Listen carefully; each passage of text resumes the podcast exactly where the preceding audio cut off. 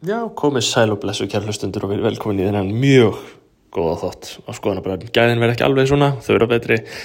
Beggir Noregi við erum fara að vera með veislu þátt í mjög góðum gæðum að tala um mjög merkileg mál. Raunverulega eitt fremsti þáttur okkar í, í viku allavega. Um, árinni fyrir í þetta Spjöldsögunar, Samuel Ásberg, Þorlákur Helgi Þorgrímsson, Viggo Stefansson og einhver sem kalla sig gættu að þér. Með því að kasta frá þér djöflunum gætur þum leið sært í burtu þið besta við þig. Þetta kallar eh, sérst, Jóhannes Haugur leikari, hann skilgrinni sig núna sem þessum þennan frasa og við verðum það, eh, þetta er menn sem borgar okkur 50 bandrækjætalið til þess að stiðja við frjálsa fjölmjölinu í landinu. Ég er ekki tjóka, þetta skiptir máli. Komið um borðið skoðanabræðilegið, farið á Patreon, við erum að gefa ykkur þátt frýtt núna eh, og ef ykkur líkar það sem ykkur við, við það sem þið heyrið, heyrið þá eru raunverulega miklu betri þættir líka inn á Patreon. Alltaf aðgengilegt fyrir mjög lítinn penning drífið ykkur uh, ég held með þátturinn. Fyrir hver að bakið um að sé bróðir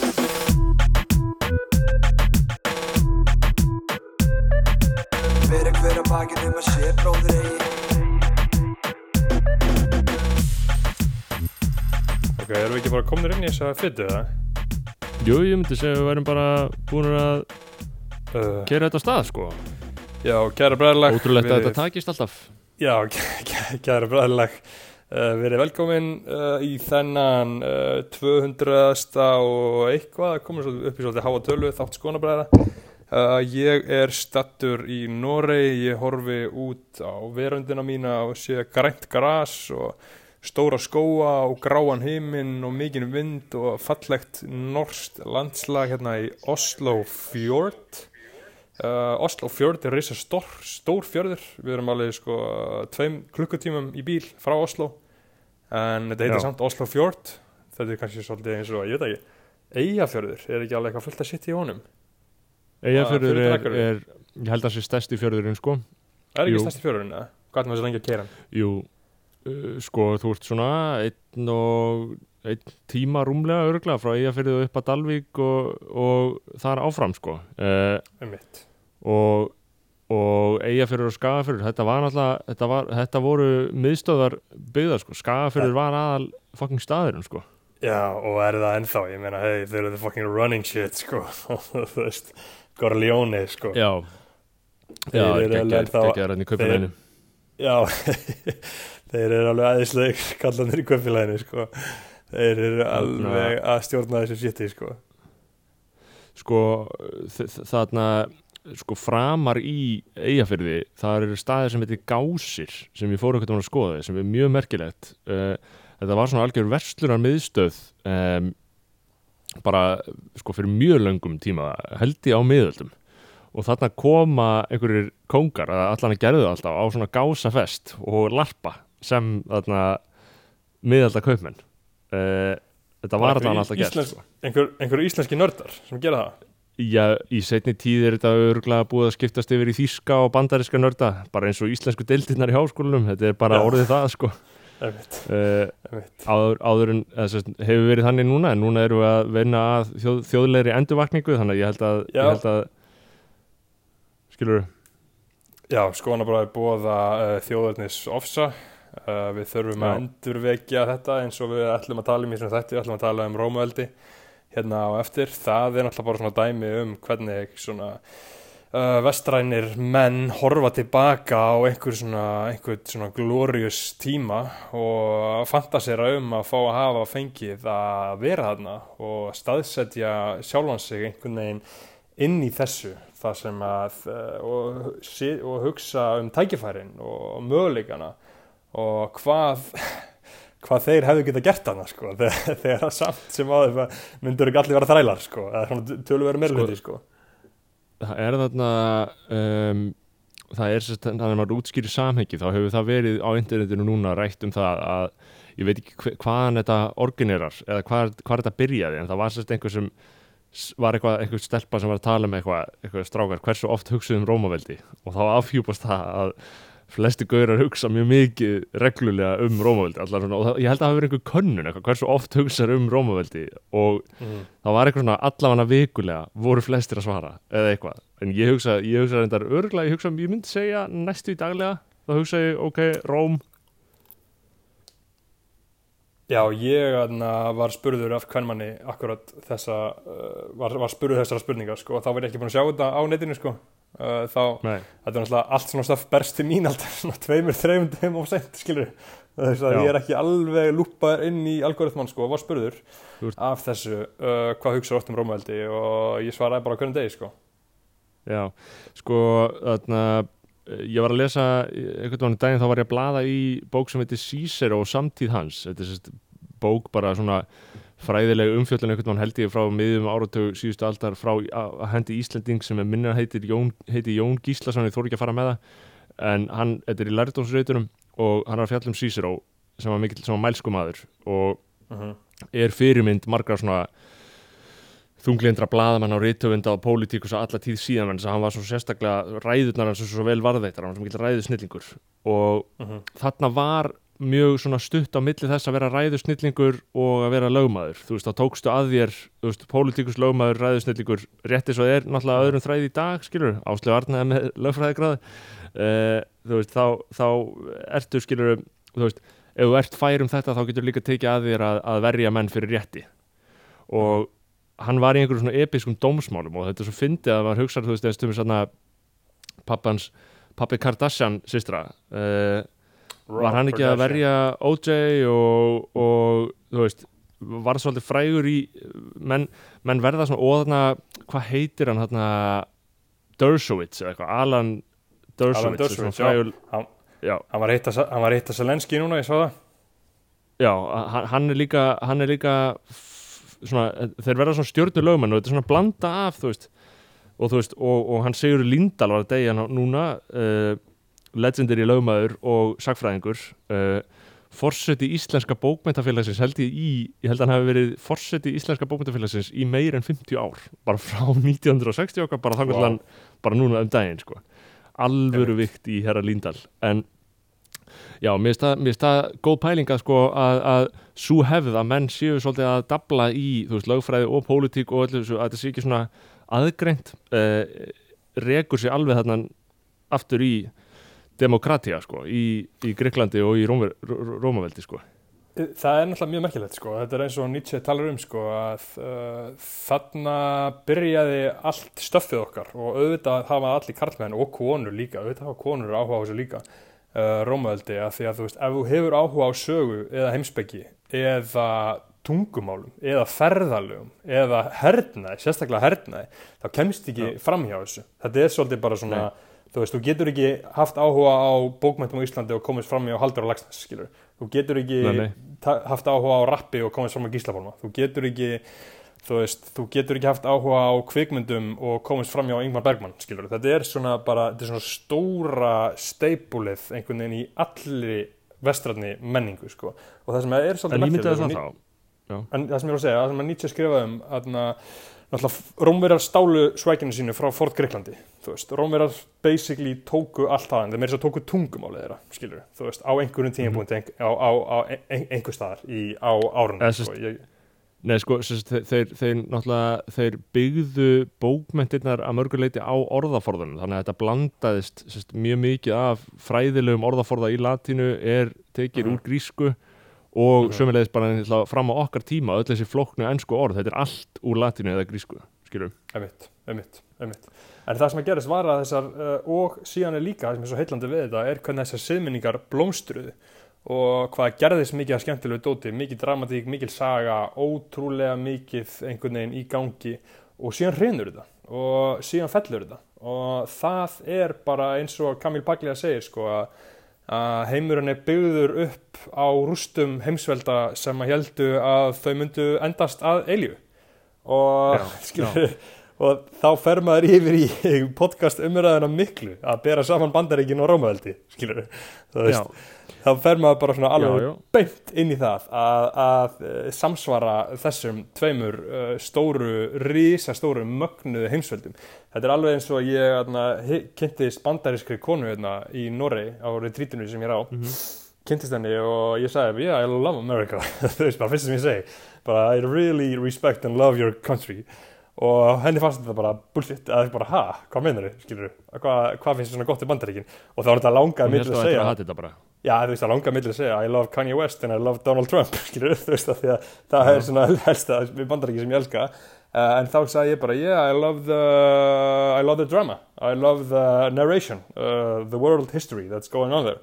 Og henni fannst það ekkert fyndið eða skemmtilegt, skilur þú veist, henni bara, Nei. hún, skam, hún skammaði sín. Eh, hún skammaði sín fyrir að vera bandarísk, sko Sko, já, ég meina það er náttúrulega líka vegna þess að, sko, ég held að líka í þegar heimsveldi líðandi lok, þá náttúrulega skiptist uh, skiptist fólk síðan í fylkingar upp á það, sko, hvernig hvernig menn vilja uh, skilur hátta þeim endalókum. Hvort það ætlum að reyna að halda í eða, eða draga saman seglin og gera Akkurat. það sem við getum og, það, er svo, og það er svo magnað því að þá, þaðan kemur ofbeldið skilur þú veist, að stopna ríki Já. eða sundra ríki. Þaðan, þú veist, það hefur Já. ekkert ríki verið stopnað eða hægt án blóðsúthellinga skilur, þetta eru bara Já, svona stærstu það- blóðsúthellingar mannkins sögunar snúast um þessa hugmyndafræði the nation state, snúast um þetta. Ég er Já, þetta, þú ert þetta.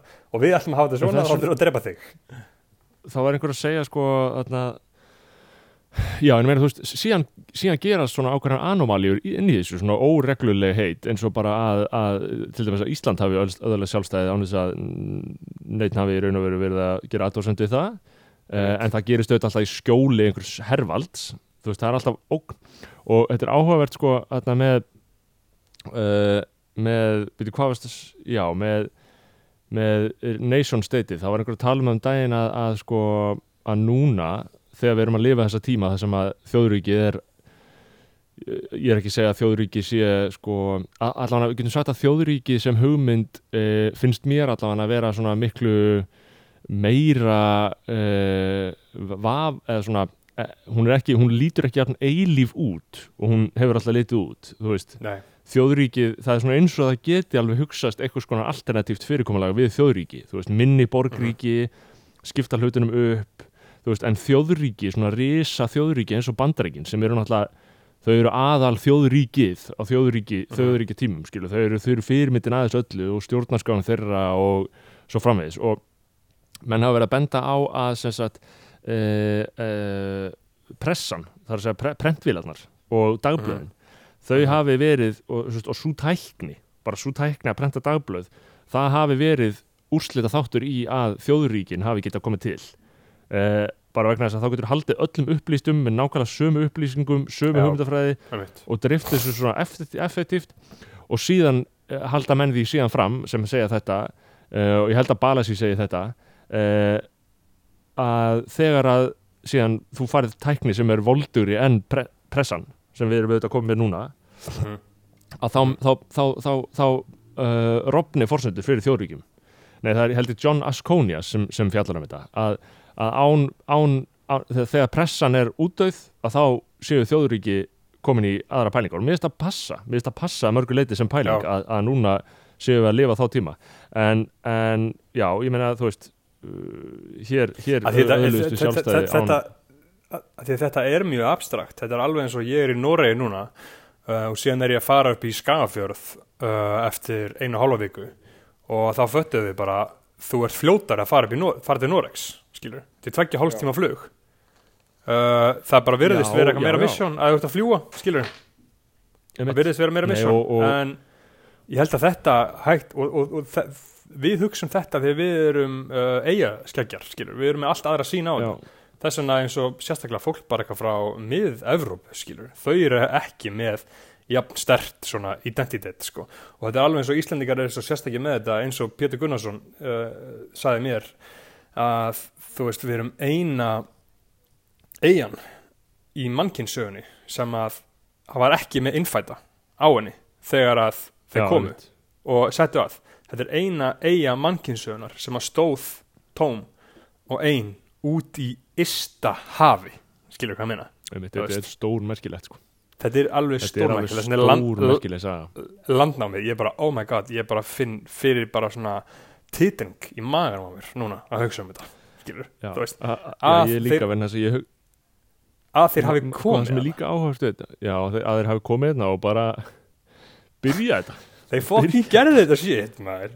Þeir fucking Og gerði þetta shit. Þeir skiptu hérna. jörðum á milli sín. Já. Höfðingjar. Þeir voru bara, já, þeir nei voru oft við, með svona ég, ég, ég þekki ekki nógu vel, við þurfum að fjalla betur um, og nánar um landnámi en, en það var oft svona uh, þau voru með eitthvað svona system um það hversu stóra jörð þú áttur að hafa, nei, geta fengið Mhm. og það var mælt í því bara eitthvað svona í skrefum þú mátt Mhm. fá bara eitthvað svona 100 eða 200, þú veist, þetta er mjög óljós frásögn hjá mér ég byrst afsökunar á fræðilegri ónákvæmni ef það er einhverju fræði bróðs að núti en ég hérna, hveti eitthvað til að koma Skipt. með upplýsingar um landnámið ég vil fá Já. alla að borðinu með upplýsingar um já, landnámið já, já. Ég væri mjög til að taka viðtal við Áskir Jónsson, Sæðlabankastjóra um landnámið. Mér finnst skemmtilegra mér finnst hann skemmtilegra að fá fraudster og trickster eins og Jón Gnar til þess að segja frá því frekar að Jón Gnar skrifaði alltaf- pistar um þetta. Þetta er alltaf munurinn, þetta er alltaf munurinn á sko hvort þú fá fræðimann eða sögumann. Og það er Já. sjálfgeft að þú hafi fræðimenn og sögumenn í sama aðna pakka. Uh, Já, já, en þeir ég- gegna ólíkum hlutverkum í þekkingakerfinu og það má ekki vann með þetta nei, uh, en, en sem sagt já, uh, já, landnámið og þjóðuríkið og, og, og svo stemning. Og skilur að, ég var að fletta því upp um daginn mm, í sambandi við Rómaveldi uh, hvort þarna uh, og, og hvort sem sagt, og þetta var bara eitthvað svona algjörð Google, en ég var að velta því fyrir mig sko hv- hvort þarna eh, Skattlöndin, að því Rómaveldi var sem stærst, ég man ekki alveg nákvæmlega á hvaða tímapunkti uh, en þú veist, bara þegar það var hvað stærst og síðan það að var, fara líðandi það, lók það, það var stæst þegar Marcus Aurelius var aðna, Já. uh, að múfa og þeir fóru aðna, til Þískalands og börðus við Já. tútónuna nýjanina og þetta, það var stæst Já. akkurat, við vorum að horfa á þessa mynd sko bara í, í fyrradag, Gladiator akkurat, Já. þá var Rómaldi að píka þegar Marcus Á- Aurelius sem var The Philosopher King, þegar hann var kongurinn Já. og sonur hans tók við og síðan fóru þetta held ég allt til helvitis sko. þá, þú veist, þegar Rómaldi var stæst sko, þá var þetta bara frá Norður Afríku öll Evrópa, alveg niður til Bretlands og síðan voru þeir einhvern veginn að reyna að taka uh, Þískaland, þannig að einhver svona frægu bardaði inn í einhverjum skógi árið sko 180 eftir Krist, minnum mig að þetta hafi píkað. sem, sem byrjaði, sem hóf sem var upp á við endalókurum en enn og aftur þá eins þá tekið fram ég sögum að það er ekki Já, en sem sagt uh, og þa þa þa þar var því líst í einhverju sem ég var að lesa að þegar þessir umbróta tímar byrja þegar þetta er að byrja að verða að verra Mhm. þá eru rosalega pólitíska deilur í öllum skattlöndunum þú veist, í öllum svæðunum, aukasvæðunum þeirra sem þeir eiga Mhm. sem spegla bara nákvæmlega veist, deilunar í Róm sjálfri já, þannig að þú veist, það voru allir þetta var svona eitt stórt rífustu svið skilur, eitt Já. stórt svið þar sem að menn eru basically að rífa, um- rífast um það sama Mhm. og, og það er náttúrulega líka það sem er núna með bandaríkin, skilur hérna á Íslandi er verið að og það er alltaf verið að tala um sko innflutt, þetta er innflutt þú veist, Mhm. veist ekki hvað við, það er alltaf verið að tala um þetta er innflutt, innflutt í fordómara. Þetta er frá, frá hæg, hægri öfgamönnum í aðna, uh, bandaríkjum eða eitthvað. En þú veist, lippa séttið líka frá ógislum demokratum í bandaríkjum þannig að það er allir að flytja sétt inn eða þú veist, það er enginn eitthvað einn bara að flytja inn eitthvað sem er eitthvað algjörlega úr samingi við það sem er hér og hei, þú veist, ef við erum að tala um eitthvað sama og var verið að tala um hérna í Rómaldi til forna, skilur, þá er þetta bara mítológia, skilur, þá er þetta bara eitthvað svona, eitthvað svona deiluefni sem er bara bókstala inn í manninum og koma upp í mismunandi formum og mismunandi tjáningar mátum á mismunandi tímum, en þetta er basically alltaf það sama, skilur, þetta er basically bara eitthvað, þessi, okkar hópur er að reyna að passa upp á sitt og ykkar hópur er að reyna að passa upp á sitt. En það sem er líka áhugavert við, við Rómverja og Gríkja var að þú veist þeirra hugmynda líðræði var náttúrulega talsvægt ólík því sem við höfum Já, það er alltaf að tala um, þú ert að lesa um sko, Rómverja og e, e, Roman statesmen og fort gríska statesmen, það er alltaf að hafa þann fyrirvara allt sem að þeir gerðu, þá voru alltaf með allavega tvo persónlega þræla Já. veist það þótti bara það, það, það þótti bara fullkomlega basic. Hann fór í þetta ferðalag og, og, og var, var, með, var, með, var með tvo þræla skilur, tvo skósveina sem gerði missionið, þannig að þeir fengu alltaf bara wow, paldi hvað næs, paldi hvað næs. Þeir bara fengu alltaf bara að hugsa, guðuður hugsanir þurfti ekki að spá í neinu hverstasliðu þurfti ekki að svara í síman, þurfti ekki að svara meili þetta er draumur minn, þetta er draumur minn. Ég vil mjög lojal aðstofamann sem að bara filterar allt út, skilur þræl, nútíma þræl Já. já, já, en, en er svo, svo móralismin svo fyndin þú veist, af því að móralismin er svo fyndin að við látum alltaf eins og þrælahald sé svona ótrúlega problematíst þegar það er það er fucking massíft þrælahald í gangi. Fötin okkar eru framleita þrælum uh, Lífskeiðin okkar byggjast á þrældómi ennþá sko. Það er eiginlega gaur, sko. framleiðsla í Kína eða hvað sem er það er bara byggt á þrældómi sko. gaur, gaur, gaur, gaur, hefur séð volt starfsemenn á trekkhjólinu já, sínu og út í rigningunni út Já. í rigningu á trekkhjólum ég er bara, þú veist, ég fæ raunvölu með einhverja svona soggi með einhverja svona soggi pizzu af einhverjum ógeðslegum nýjum Já. sem er með volt að koma með þetta upp í blokkar íbúð fyrir einhvern fucking vegan lippa sko. þunnan, þunnan vinstrimann já.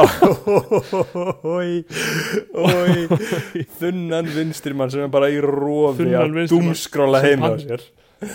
sem panta þetta, panta þetta í síman og milli doomscrollsins á Twitter og Mastodon. Já. Oh, já, þetta er alveg sæðilegt sko. já, og, og, og, er þessi, sko.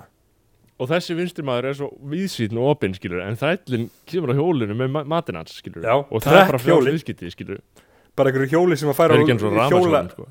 nei, bara þetta sem að færa á uppbóðu löggunar skilur, já, þetta er bara svona afgangar já Þarna, en, en já, ég meina eins og með Róm, ég meina, þú veist, að við, höfum nú talað um hrun klassíska menta hérna, pældi því að þú veist, í MR er ennþá bara verið að kenna það sama og var kent alltaf Já. við lásum César um Einmitt. gallastriðin á latinu Mhm.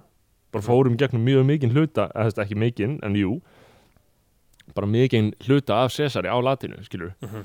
og þú veist þarna, það er bara ómetanlegt að það sé ennþá einhverstað gert að meðan sko úrkynjunin er slík að bara það nær yngri átt og ég hugsaði svo oft það, það, sko e, það var viðtal ég var að horfa á því að þegar maður kemur heim til Íslands að það er líka áhugavert í sambandi við svona því ég er búin að vera í Þýskalandi í fimm vik, sex vikur og þá horfði ég aldrei á kvöldfréttir uh, rúf eða neitt, stöð Mhm. 2 eða neitt þú veist, ég fylgist ekki með fréttum með svona sama hætti en svona um leið ég kem hingað þá vil ég svona þetta er svona fyndin munur, bara fyrsta daginn þá vil ég svona hvað, hvað er að gerast hér þetta er svona, og þa það er svona sannar fyrir manni að staður skiptir líka á endanum samt máli, skilur, hérna vill maður aðeins vera meira inn í lúpunni, eitthvað svona.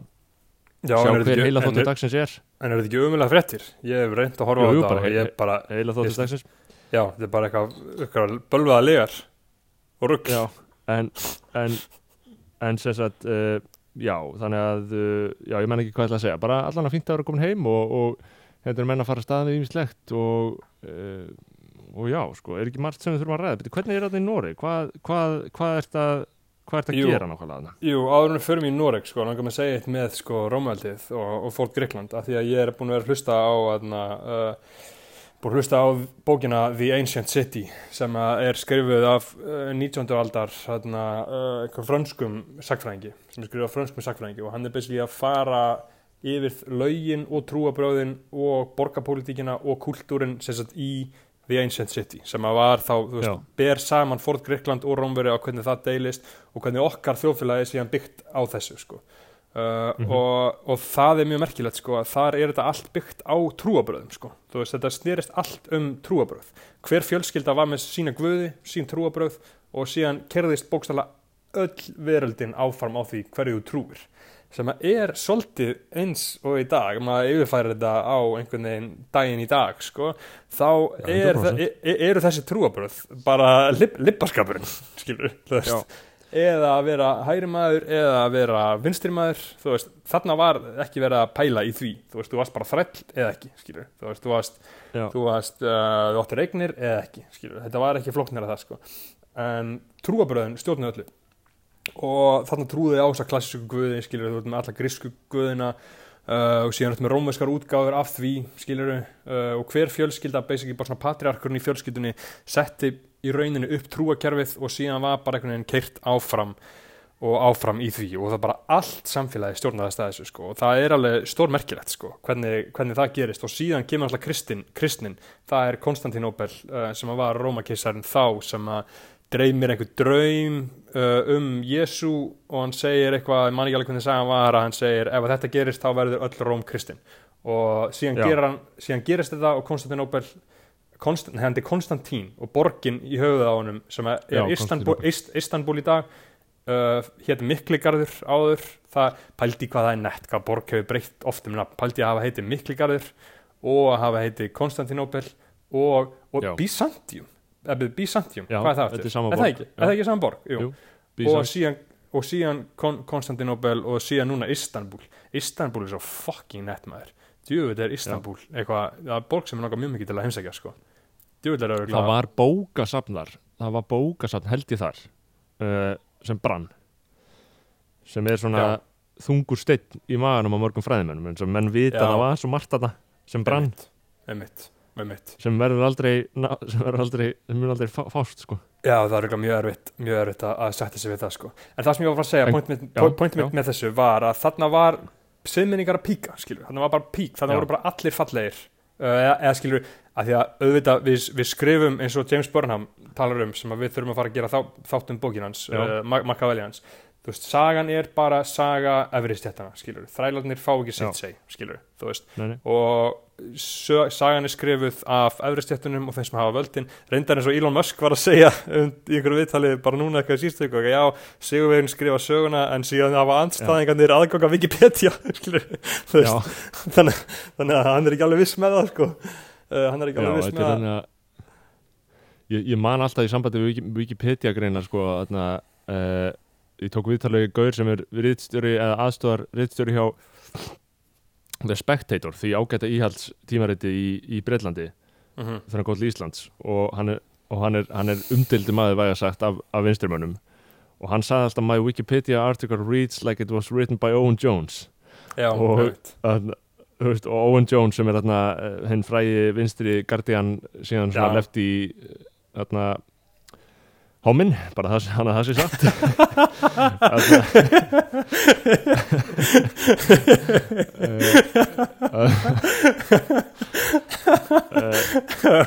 oh shit.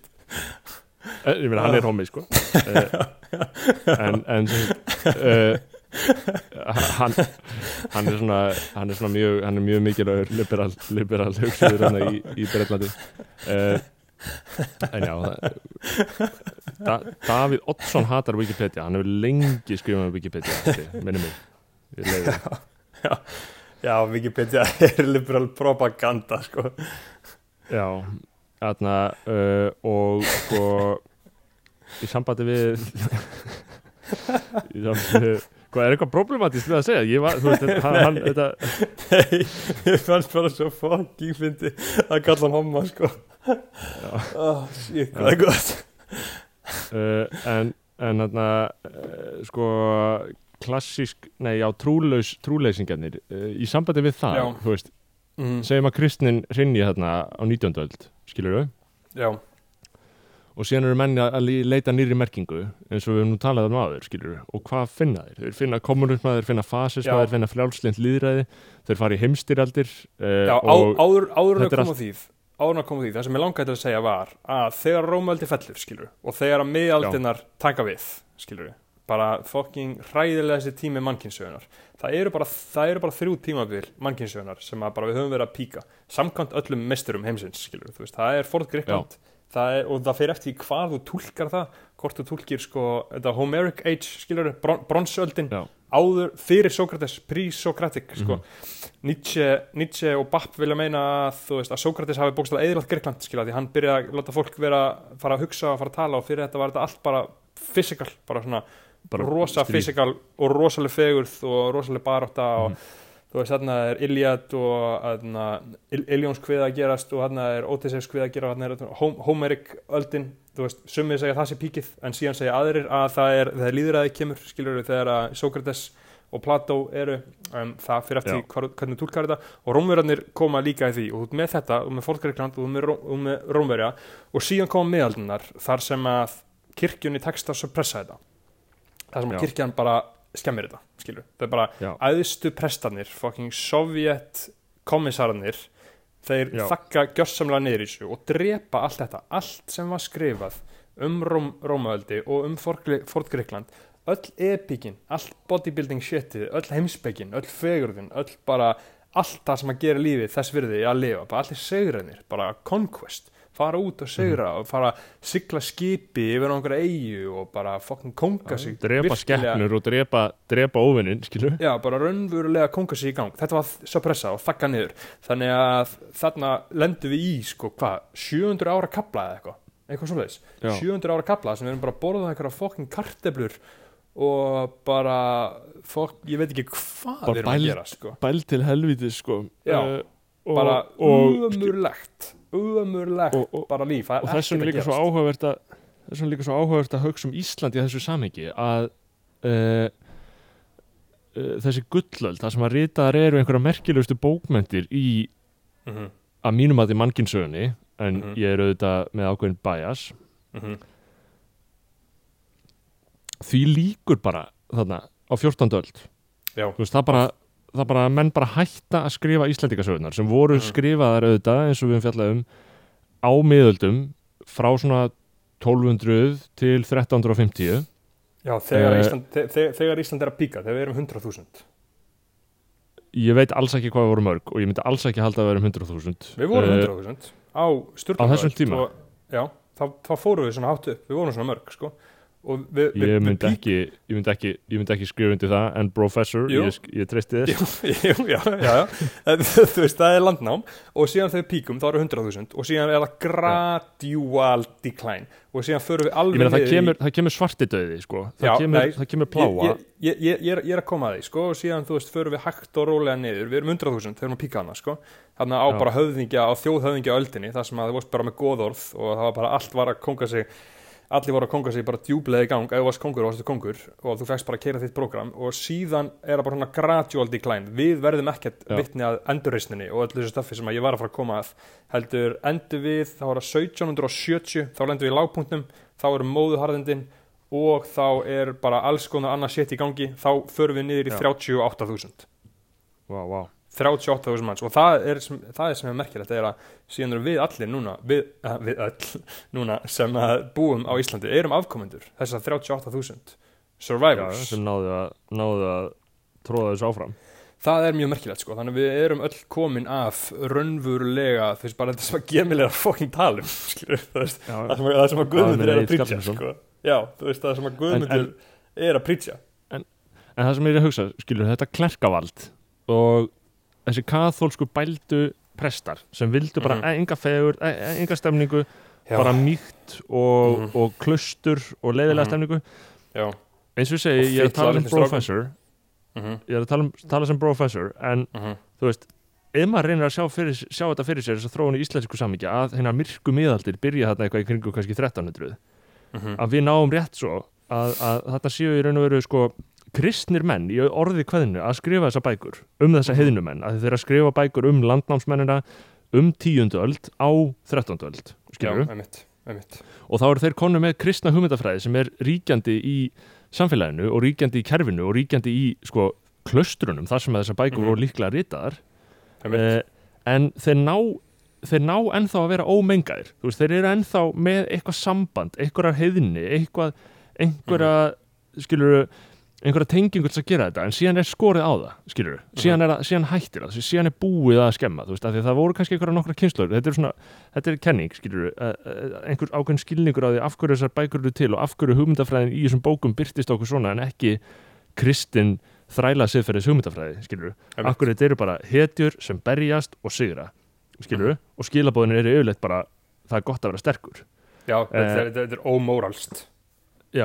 og þetta er ekki, þetta er ekki síðabóðskapur, veist, það er engin moralisering í þessu, þess vegna er þetta svo áhugavert.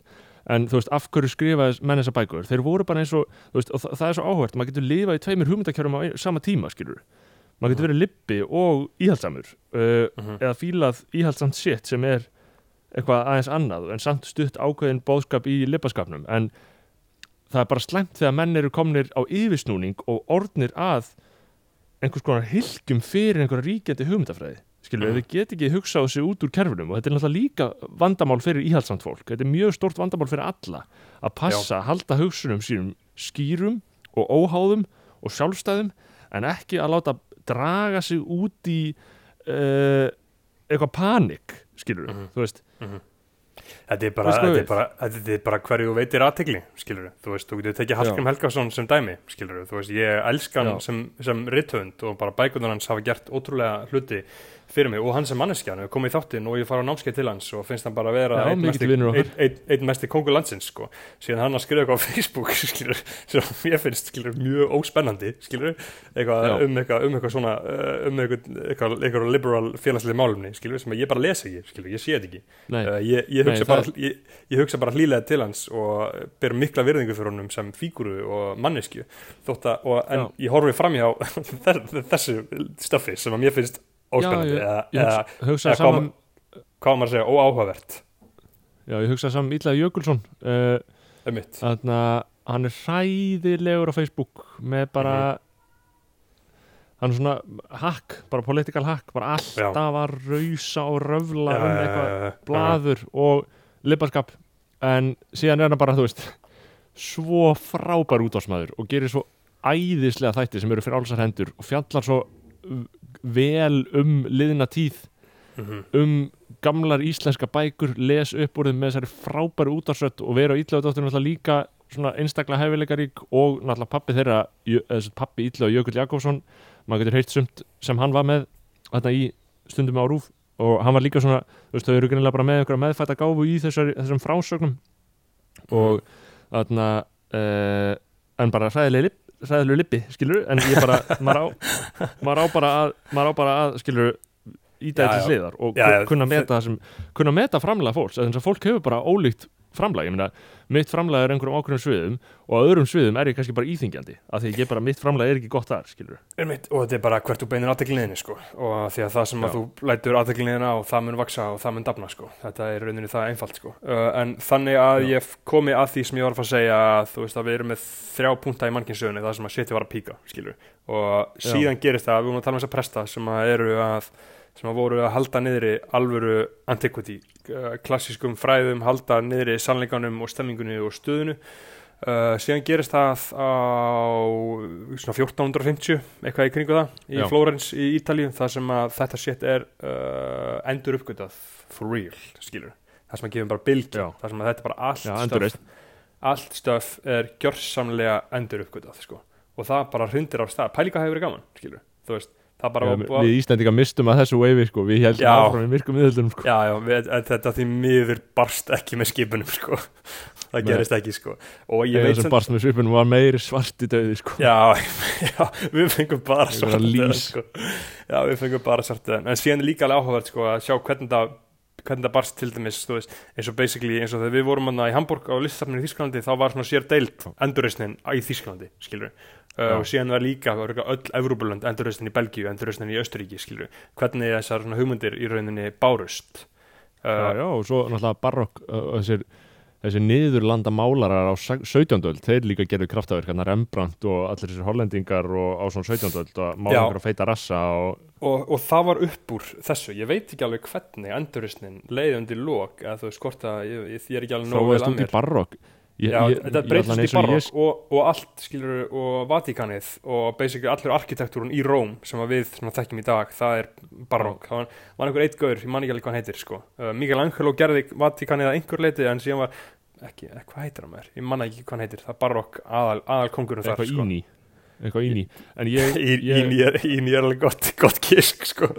já, ég, var í listasöga spáni sko. Uh, gott hvað sko svo yfirborslegt en ég var í listasögu eh, í mentaskóla á Spáni, það er listasaga kent sko, það var mjög áhugavert sko. Ég var í, ég var í Vestló líka sko, paldi, og, þú veist, og ég fór með þess að til Flórens og Róm í Vestló sko. kunnur ekki með þetta neitt. Væntalega ekki, ég hef bara fucking hugsa um að drekka og bara reyna að finna klúpa öll kvöldin. Ég hugsaði svo, ég hugsaði, ég fór líka til Róma mér finnst ekki það gaman. Ég, þarna, það er svo ég er alltaf, þegar maður sér viðtölu mentaskólanema uh, og núna er maður orðin þarna, ofinberlega orðin gamall kall sem þarna, kvartar við málfari. En þú veist það er eins og það sé einskær tilviljun og einhvers konar svona eiginlega villa í Matrixunu þegar mentaskólanemi getur komið fyrir þessu orði. Já, getur bara svarað með fullum hálsi alveg að bara vera bara, eiga bara í standandi vandrað með setninguna. Mhm. og þess vegna, þess vegna held ég að það sé mikilvægt að þeir hlusti á uh, hlaðvörp, Skoðanabræður. hlaðvörp, íslensk hlaðvörp skoðanabræður, mm. það getur þróa, þroskað aðeins málfærið. En uh, að því að, að því að ég fór að hugsa nefnilega af hverju er þetta? Skilur af hverju er þetta, það er bara að það verðin að það skilur kannski gamla þegar að þið síðan og sér viðtölu mentarskólanum árið 1970-80 þá er þetta bara eins og fullari fólk að tala bara, já, ég meni, ég hygg að, að þú veist, eitthvað svona bara og það er svo, svo áhugavert að sjá það þá versus núna, en það er alltaf bara spurning um menninganesluna Mhm. og það er svona þarf að vera gott frambóð af alls konar efni á íslensku. Uh, En, og þetta, þetta leiði mig svolítið inn í hérna, það sem að ég var með skrifað inn hjá mér. Uh, Richard Linklater uh, kvikmyndaleikstjóri, svona indie, mest legendary indie kvikmyndaleikstjórun hann gerði allar hérna, Before Sunrise, Before Midnight svona þá, þær myndir, veist ekki hvað myndir þetta eru? Þetta eru Ethan Hawke leikur Jú. og hann hitti hitt svona gælu í Európu uh, og síðan gerði hann líka Days and Confused árið 93 það sem að Matthew McConaughey segir that's what I love about these high school girls man I get older, Já. they stay the same age hann gerði þá mynd That's what I love about these LOE girls, man. I get older, they stay the same age. Uh, hann, hann, hann sagði það, Matthew McConaughey, í þeirri mynd og hann gerði líka Boyhood árið 2014 og hann var að gefa út nýja mynd núna, þarna, þessi leikstjóri, Richard Linklater. Og hann segir hérna í geggju viðtalega, ég sá, sá klippa þessu á Twitter, þar sem hann segir sko, hérna, with the changing culture and changing technology, it's hard to see cinema slipping back into the promin prominence it, it once held. I think we could feel it coming on when they started calling films content. But that's what happens when you let tech people take over your industry. It's hard to imagine indie cinema in particular having the cultural relevance that it did. It's hard to imagine the whole culture is going to be on the same page about anything, much less filmmaking.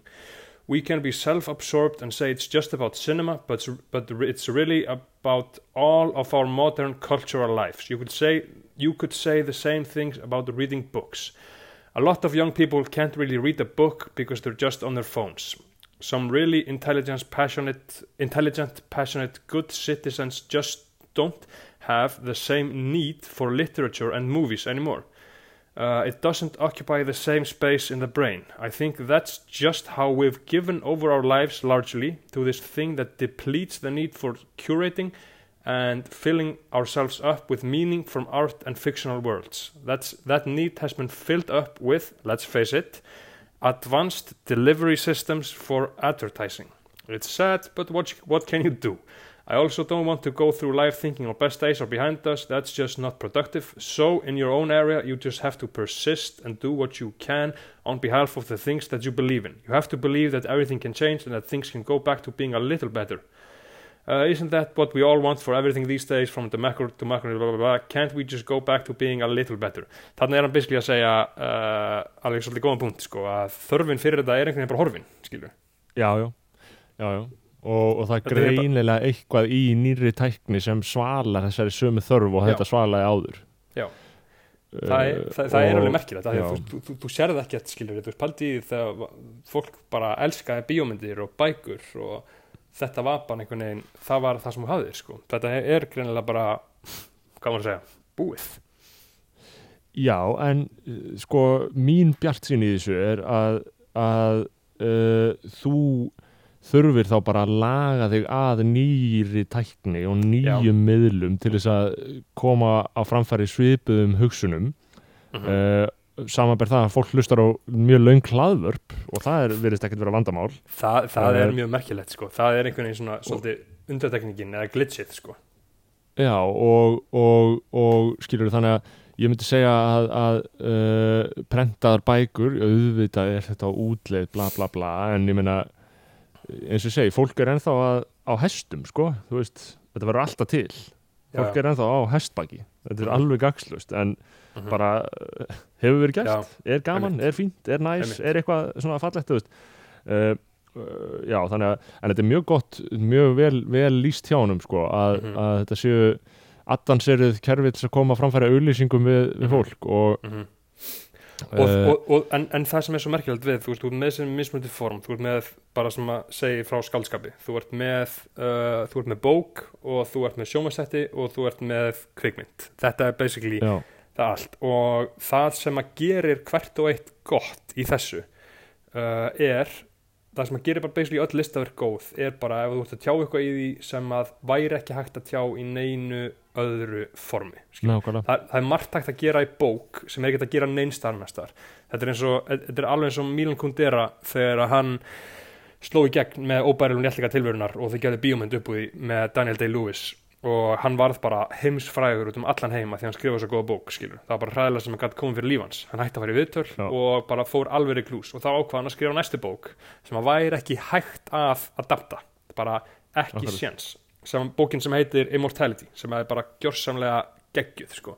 þar sem að hann sko flakkar á milli 100 ára tímabili alltaf og er sko, hann, hann lætur allar svona mismunandi höfund, hann heitir Götte og Hemingway og alls konar svona dóta, alls konar gaur að koma niður frá himnum og hitta protagonistan og er að flakka á milli tíma og er bara eitthvað svona algjörlega bullshita án þess að þetta sé eitthvað svona fantasy abstrakt, einmitt. skilur, Já. hvað ég meina þetta er svona sjúklega vel gert það sem að þú lest þetta og þú sé bara já það var ekki hægt að gera þetta neins staðar annar staðar en í bók. Og alveg eins og horfur á Sopranos bestu sjónvarserju allra tíma skilur veist það Gæti al- það, gæti það, aldrei verið- það, það geti aldrei verið bók það geti aldrei verið kvikmynd skilur þetta bara er Nei, akkurat þetta er bara akkurat er þetta og alveg eins og þú veist en það sem er vantar, sem er svo hræðilt við að, að, að fólk sé að missa uh, skáldskap úr lífi sínu, er að skáldskapur í rauninni l- kenni þér miklu meira en eitthvað fræðilegt stöf getur gert um alvöru lífið. Segjum sem svo að þú veist, þú horfur á Godfather 2, skilur þá veistu, þá sérðu bara eitthvað svona raunverulega tilfinningalega erfiða ákvörðun þegar Michael ákvörður að- kolla hitti á Sonny, bróð, nei á aðna, á Vito, bróður sinn læti drepa hann út af bátnum, skilur þú veist, þá bara færðu að upplifa það og það, ef það er vel gert þá setur það í þér restina af lífiðinu og þú skilur það og þú kant það.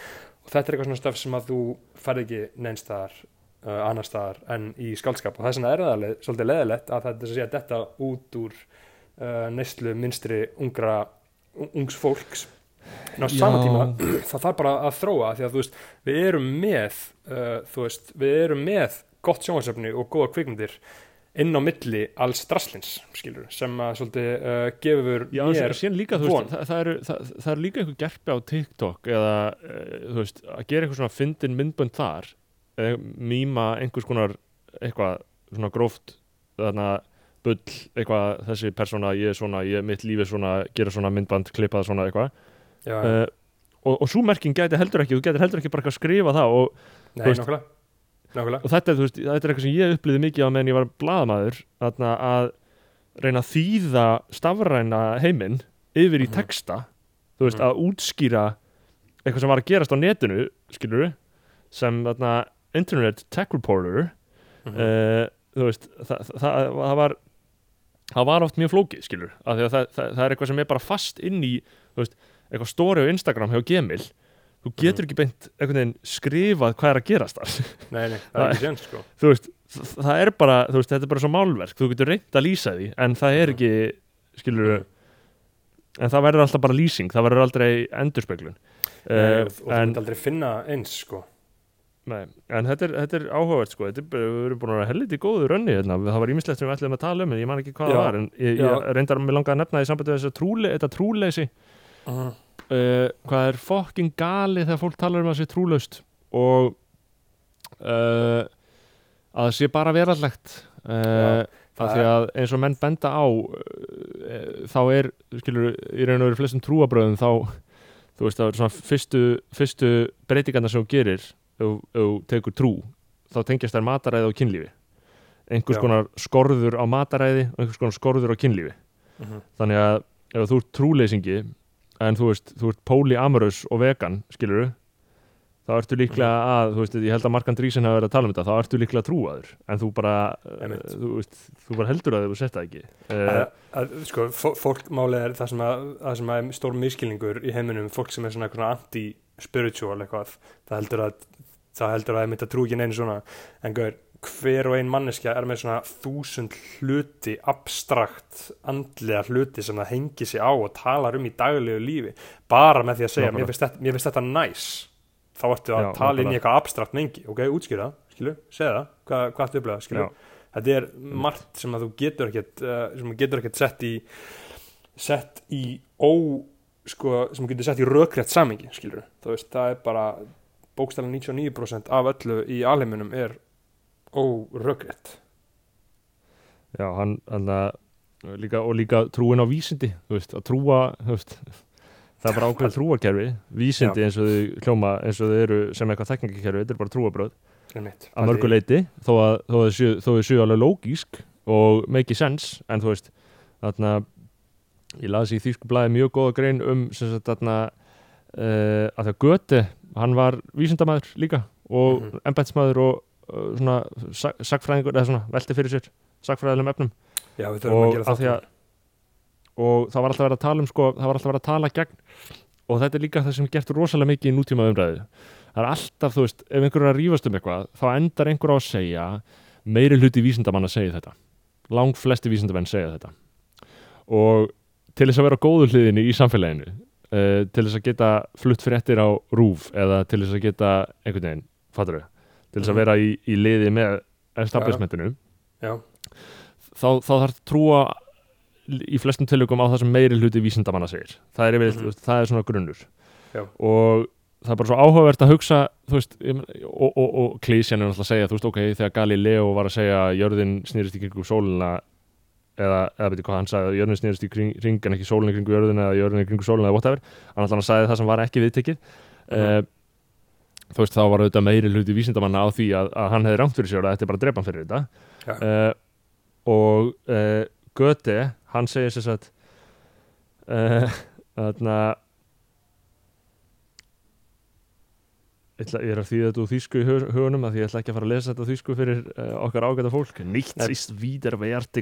Ekki. majorität því að ekki. uh, hann, hann segir sérst ekkert er fyrirlitara en ymmit meiri hlutin Nákvæmlega uh, Nákvæmlega. meiri hlutin meiri hlutin að það samastendur bara af nokkrum kröftugum svona fórustumönnum uh, sem þarna sem bara svona út, út frá veikleika byrja að líkjast hver öðrum og tala eins Já, og svo massanum sem þarna þetta? Þetta og, og svo massanum sem eldar, eldir og þarna án þess að hafa hugmyndum hvað hann vill Mhm. Mhm. og þetta er rosalega áhrifamikið þetta er áhrifamikið Þetta er það.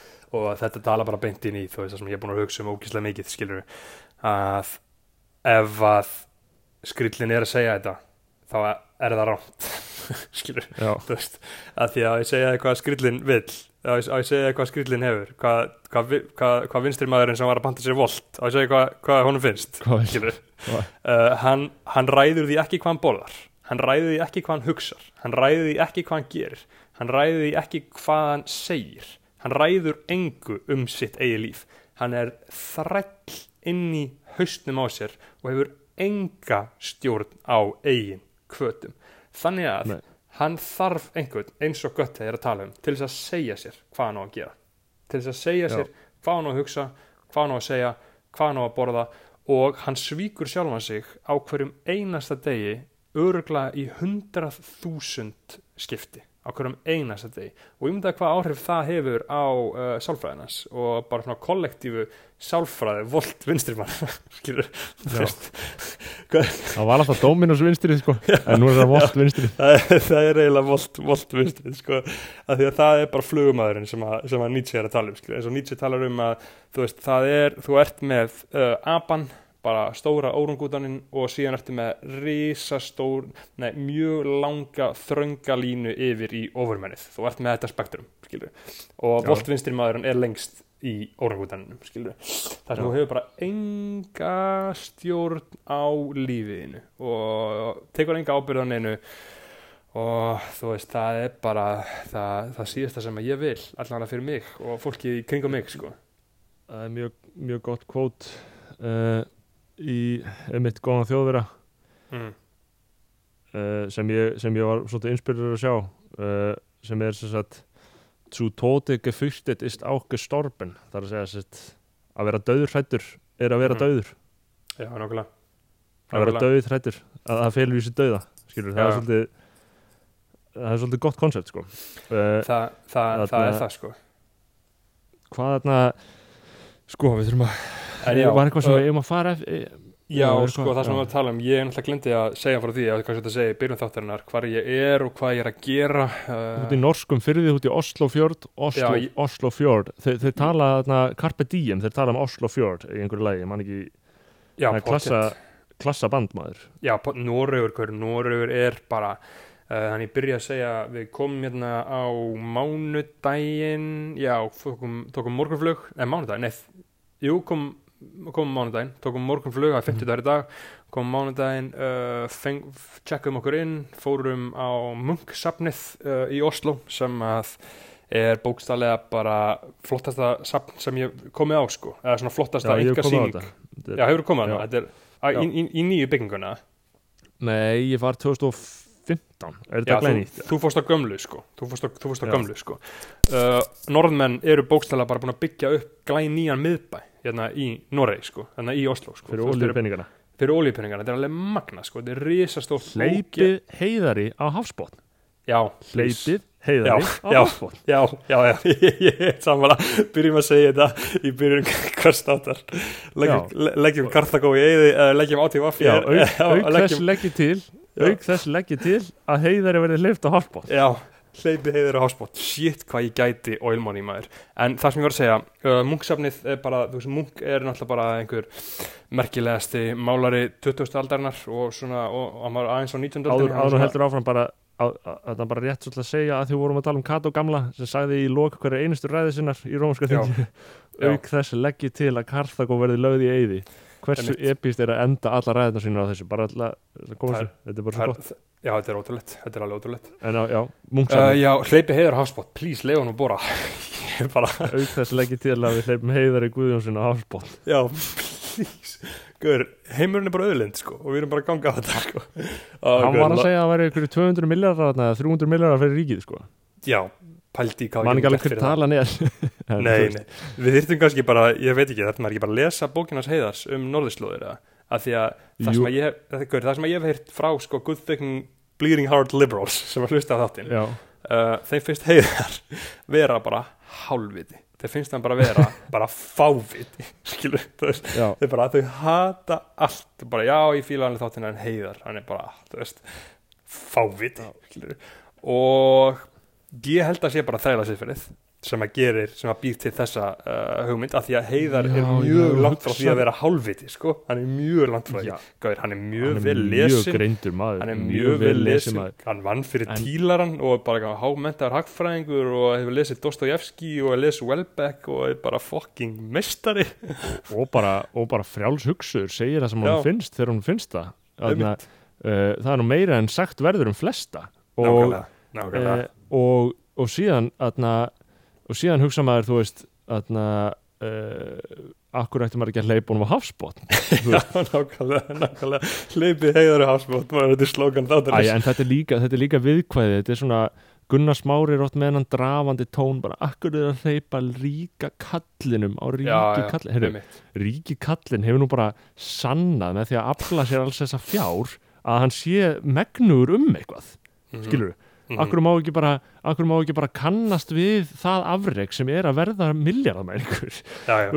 F- fólk lætur þess að það sé léttvægt. Allir hinnir er að fokkin þræla fyrir mánaðalögin all, alla æfina að þeir, þeim tekst ekki að gera þetta sama. Þannig að Mhm. ríki kallin á hann núna að fá plattform bara please, vöðan að bænum hlýfum við þetta, talið þá alla, allan efnislega um það sem hann er að segja en ekki ekki að ráðast að identityin hans, hann identifæðir sem ríkum kall og það á ekki að, að, veist, það á ekki að, að eitthvað lita Nei, please, heiðar og hafsbót En það sem ég var að segja með, með Noreg og munksafnið Í fyrsta lagi, þú veist, ég þarf ekki að segja mikið frá munk Hann var bara fokkin kongurinn, klikkaður málari Gerir ótrúlega myndir uh, Sérstaklega það sem að mér fannst merkilegast við þetta safn er að þetta er sko í risastóri glænýri byggingu hún var bara byggð, þegar Já. ég var hérna í Noregi fyrir tveimur árum í Oslo 2000, Já. höstið 2001, bara akkurat fyrir tveimur árum þá var þetta ekki opnað, sko, þá var verið að byggja þessa byggingu þannig að þetta er bara alveg bara glæ-glæ sko. Og þetta er bara alveg geggja við fórum að það inn, fengum ókipis inn að því að bara einhver mistari að vinna þarna. Við sögum að við varum art students og hann hlifta okkur inn og síðan var bara málverkin bara runa eftir runa af episkum mistarverkum og síðan lappaði ég inn á risastórt málverk á Nietzsche sem ég var búin að gleyma skilur Já. ég vissi af þessu málverki skilur, ég var með þetta framan á Þú símanum ég bara, ég fekk tár í augun sko. Ég bara táraðist eins og alvöru gaur úr Vestló sko. Ég bara, Já. ég bara, þetta var bara alveg gjörsamlega stórfækað, ég var með þessa mynd sko sem frontcover á símanum mínum alveg í hálft ára eða eitthvað. Uh, en var, bara, var, bara, búinn að- var ekki búin að hugsa um hana fyrir þetta safn, var bara búin að gleyma að hún væri hana en þú veist, ég hafði hugsað um þetta áður hvað ég væri spenntur að fara hana því að sko að ég segja hvað er síðasta sem að Munk gerði en hann dó, síðasta daginn? Hvað, las, nei, las Dostojevski Já, hann elskaði Dostojevski og hann elskaði Dostojevski og hann elskaði Nietzsche. Þetta voru bara hans menn, skilur bara alveg eins og ég. Bara þú veist, hann bara he just like me for real sko, þú veist, þetta var þetta er alveg ótrú, hann málaði magna myndir og málaði ópið sem við sáum, við tókum geggja mynd á okkur fyrir framann ópið. Uh, mjög, mjög, mjög ánæg með það. Og síðan eftir sýninguna ég sá keypt- ópið sko. Já, þú sást ópið á, á, á, á hinsafninu ok, ok, Það var bara nice. einhverjum larvóttu húsi sko Já, akkurat, þetta var fyrir, þetta var sem sagt í þessu húsi þá kjúritaði Knáskart sýningu og því að ég er búin að vera að lesa Já. bókina hans um uh, Karlofi Knáskart sem sagt uppáhalds rithöfundur minn sem að skrifaði basically bókina sem að hefur öruglega bara breytt líminu hvað mest af öllu í alheiminum mín kamp sko uh, hann skrifaði æfisöðu sína í sex bindum 3700 blaðsýður sem að ég, ég hef aldrei á æfinni glift shit, ég hef harkalega í mig, ég las það fyrir svona þreymur árum eða eitthvað og þetta er bara svona gjörsamlega Þú last þetta á ennsku eða ekki? Ég las þetta á ennsku, jú, þetta er ekki til á íslensku. Og ég get Nei. ekki lesið norsku en það var fínt á ennsku, þetta var mjög vel þýtt og ég bara svona, þetta er svona prósis sem að þú sko gleipir inn í munnina þér sko, að þú veist, þú er, við erum skilur við með þrjá nútíma höfunda sem að eru alvöru alvöru heimsklassa skilur, það er Knáskart og það er Welbeck og það er Emmanuel Carrère og þeir elska allir hvort annan sko, eða þú veist, allavega Knáskart elskar Carrère og það sem að Knáskart var skrifa í þessari munkbók sem hann skrifa árið 2017 í tilum þess að hann kjúrið þessa sýningu þá er hann skrifa mjög mikið í Emmanuel Carrère stíl sko. þú verður að lesa Emmanuel Carrère sko. þú veist, hann er bara það, hann, Ég var að Hann- mér, ég kefti mér í þarna Ferníkten eins og Anni Antýr heitir á þýsku uh, Kefti mér hann úti já, Eh, já, well, Welbeck á þýsku, hann er hann týr já, já. Næs, næs, en ég held að þú Kefti fíla þarna þú, þú, máli gaur, þú munt fíla Emmanuel Carrère miklu betur af því hann er non-fiction sko. þú veist, hann er non-fiction, skrifar í skáldskap og þú veist, og er bara hann, basically originataði heilt bara svona basically nýtt svona literatúri form sko, með bókunni sem hann Og skrifa hvað var hvað var að lesa? Uh, ég held að þú myndir fíla mest uh, Limonov, æfisa Edward Limonov sem ég sagt þér að lesa kannski svona 28 Já, já, þú Og- sagt mér oft. hún er um svona hard right rússa sem að uh, fer til París og verður literary sensation og síðan fer hann aftur og stopna nasistaflokk í Rúslandi og fer að bífa í Putin Já. og eitthvað, þetta er bara, þetta er ótrúlegt en, sko. en ég er náttúrulega, já, ég, ég ætla að hjóla í þetta en ég er náttúrulega það er náttúrulega ákveðin eiginleiki hjá mér að ég er smá, það er ákveðin Ísak Henriksson í mér sko. ég er stundum með rörsín á gömlu gráu eiguna ég er yfir bara, þú veist, ég leita alltaf bara í eitthvað sem er fornt og íslenskt Já, það sko, er bara, ég er alltaf að reyna að alþjóða væða mig og ég auðvitað, auðvitað stefni að því og ég, ég, ég gera það, ég, ég kefti líka mens, menslíkis, alltú menslíkis uh, eftir ennaran hvað er það? Nietzsche Já, Eh, hvað bók? uh, það er me, ma, human, all too human menslíkis, nice. all too Já. menslíkis Já, Uh, meistarverk, það er sko. svona stuttar, það er svona stutt spjót Já, heimitt, það, það hefur bara, hefur bara orðið tóm í líf mín eftir að ég kláraði allan Nietzsche, sko. Ég veit ekki hvað ég á að gera, sko. Ég er búin að vera, hann er búin að fylgja mér. Ég hef bara byrjað að lesa þetta på nýtt.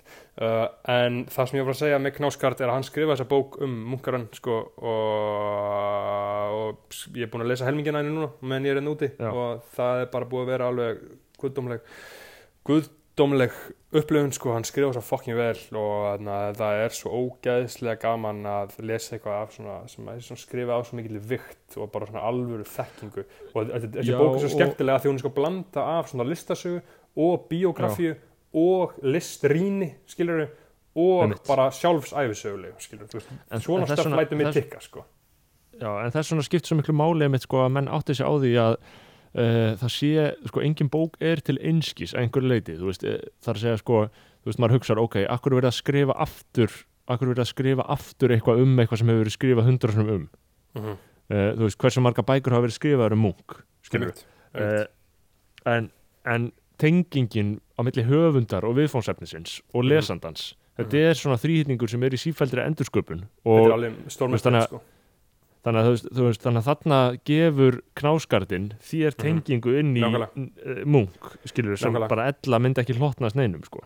nákvæmlega, ég myndi aldrei ég, ég myndi ekki vera á munksafninu, hafa elskað þetta og síðan fara niður í safnbúðun og keitt mér einhver random bókumann ég hef ekki gert það, skilur veist, bara einhver Þarna- random, ra- random norsku sakfræðingur sem ég veit ekki um sko. uh, en út af Já. knáskartin var hann og ég vissi að þessari bók og ég kom að það með það misjón að kaupa þetta sko. Og það sem er líka fallit einmitt við þetta tala um þrýjötning skilur og þú veist að þetta er frjálsi markaðurinn baby!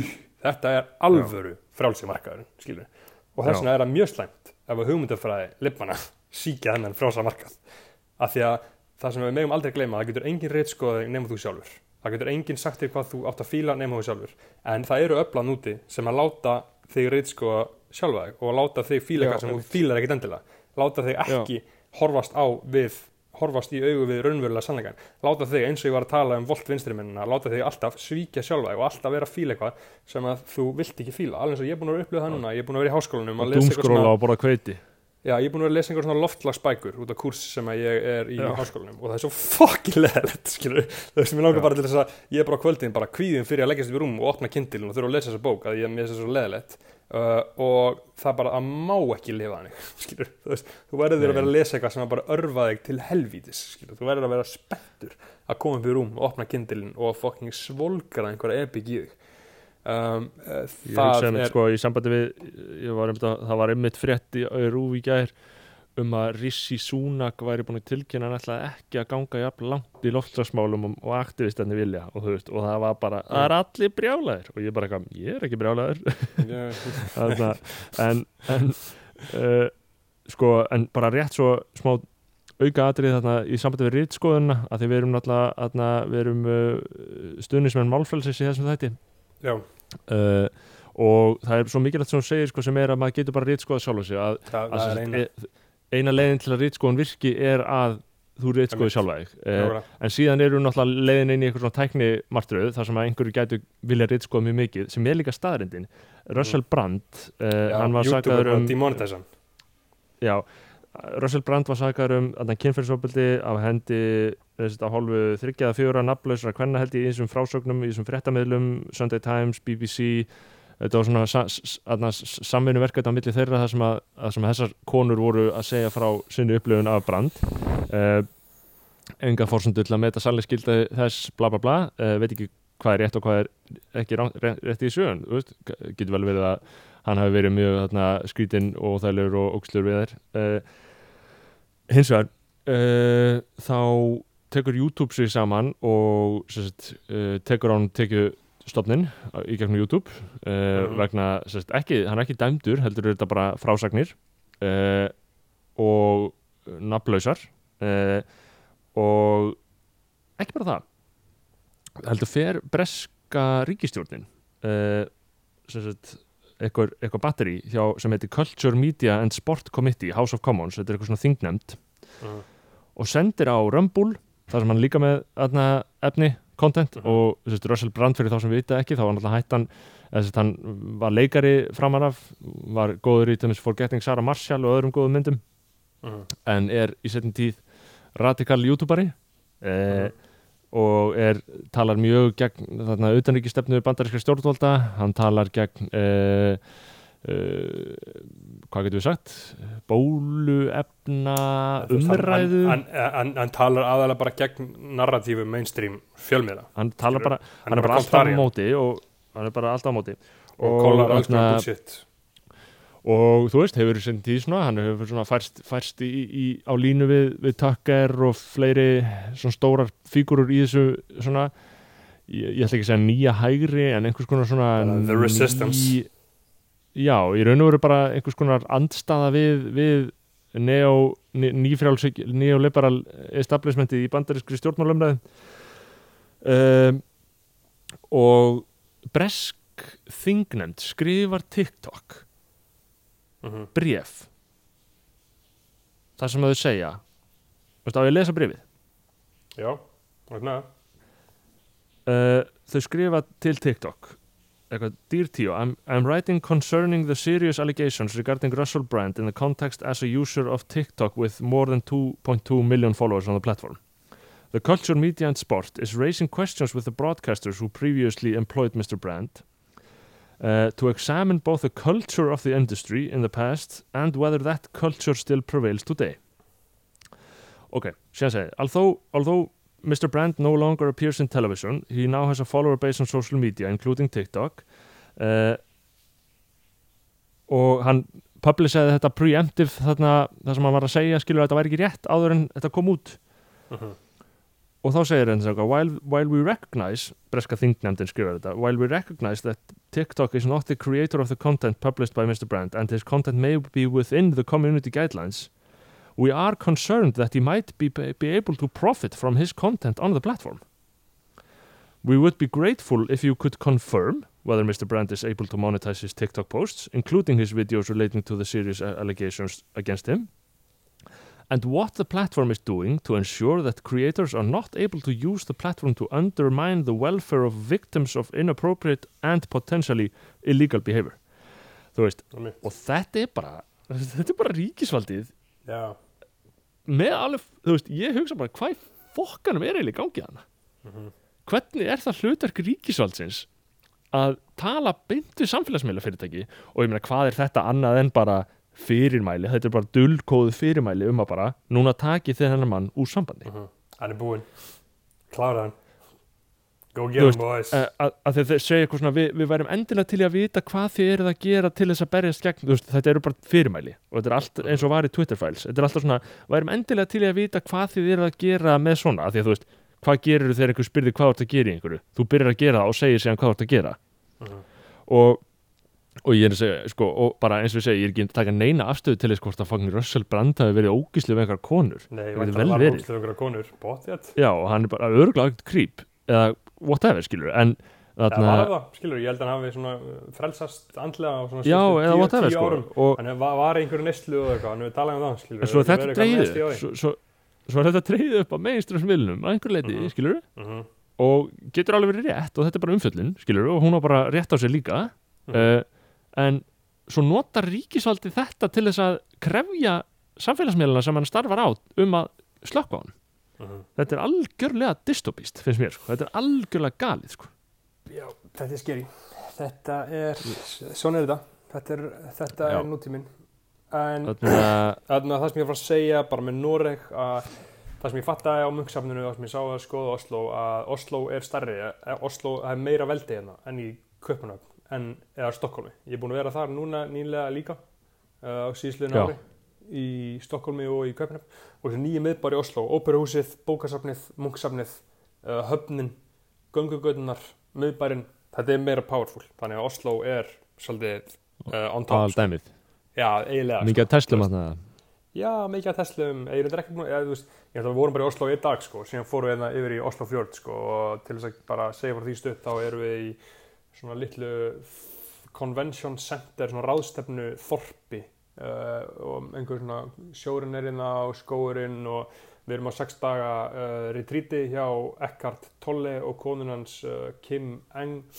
Og ég veit ekki, ég kannski bara sagt betur frá því á, í næsta þætti þe- þegar að þegar, ég komin heim sko, við erum bara búin að vera hérna í einn dag sko, en þetta er algjör snill, þetta er bara skemmtilega sem hægt er að ímynda sér sko, við erum bara á fyrirlesturum allan daginn og bara eitthvað borða háttegis hlaðborð, nei borða hlaðborð þrísar dag er þetta eitthvað svipa, er þetta eitthvað svipa umhverju að þau, fóru í Succession þau fóru til ég hugsaði það sko, nei þetta er ekki alveg að fancy sko, þetta er ekki að fancy sko, þetta er, þetta er ekki svona hellu fjöll sko, uh, en þetta er alveg svipað sko. Uh, en eins og ég segi, þá bara ég kem heim á sunnudaginn og þá ætlum við að taka upp fyrsta þáttin okkar í vídjói uh, Mhm. það verður spennandi að sjá hvernig það uh, rúlar, hvernig það blæsast það er bjartið tímar uh, framöndan uh, ég Já, bara ég bara heldur fersku með þetta. Við erum bara góður leið, þú kemur hérna í næstu viku og já, ég kem á hjólum sunnudaginn eitthvað heim. gutt sitt í gang. Já. að það eru leiti, eru við ekki bara ferskir? Jú, þetta er bara ég held að sé bara svolítið mikið komið hjá okkur í dag. Kæra bræðilag, takk fyrir að hlusta. Ég vona að Eh. gæðin hafi verið góð hérna hjá mér. Ég er að taka þetta upp með iPhone snúru uh, ég, ég vissum að þessu er góð ég held að ég held þessu að þessi er er góð. Eh, uh, ég sendi þetta yfir að þeir snúri núna. Já, og þannig að, já. Gerðu og hérna, já, ég segi bara kæra bræðilag, guð bless ykkur. Og já, uh, ég segi bara fokkið ykkur og skítið ykkur. Nei, Já. tjók jú, jú, þú mátt alveg segja það því ég segi ekki, það væri slæmt ef þið báður alltaf að vera að segja Jay Haugur var að Jay Haugur var að segja að þetta væri mikilvægt fyrir hann þannig að Jónas Haugur, já, raunverulega þú Já. ég meina Já. þetta sem fokkaði já, Jónas að- ykkur ég skal segja hann líka bara fokka þér, fokkin gamli kall Já, en hann ætlar að koma til okkar bráðum núna hann er auðvitað kulda Já, já, ég nefndi það á því Já, ég er spennt Ég er spenntur, ég er Ok. okay. til í að fá henni Ég er til í að fá henni þáttinn Herru, kæra bræðla, guð bless ykkur Ég hættar í kortunum núna og hér í lókinu nefni ég þá sem eru uh, djúft soknir og flæktir í djúbríki skoðanabræðarlegsins það eru Hartmann Felix, Arnar Knútsson Mikael, Jóhanna Ólason Robert Bernhard Gíslason, Daniel Ólafsson Brynjar Magnússon Jakob Gísli Þórhalsson Henrik Jónsson, Andrea Dilja Adinsdóttir Ragnæður King Kristjánsdóttir, Jökull Auðunsson Gauti, Brynjar Guðmundsson Brynjar Þorri Magnússon og alvokum Stefán Björn Skúlason Sjáumst í næstu viku. Að bakið um að sé bróðir.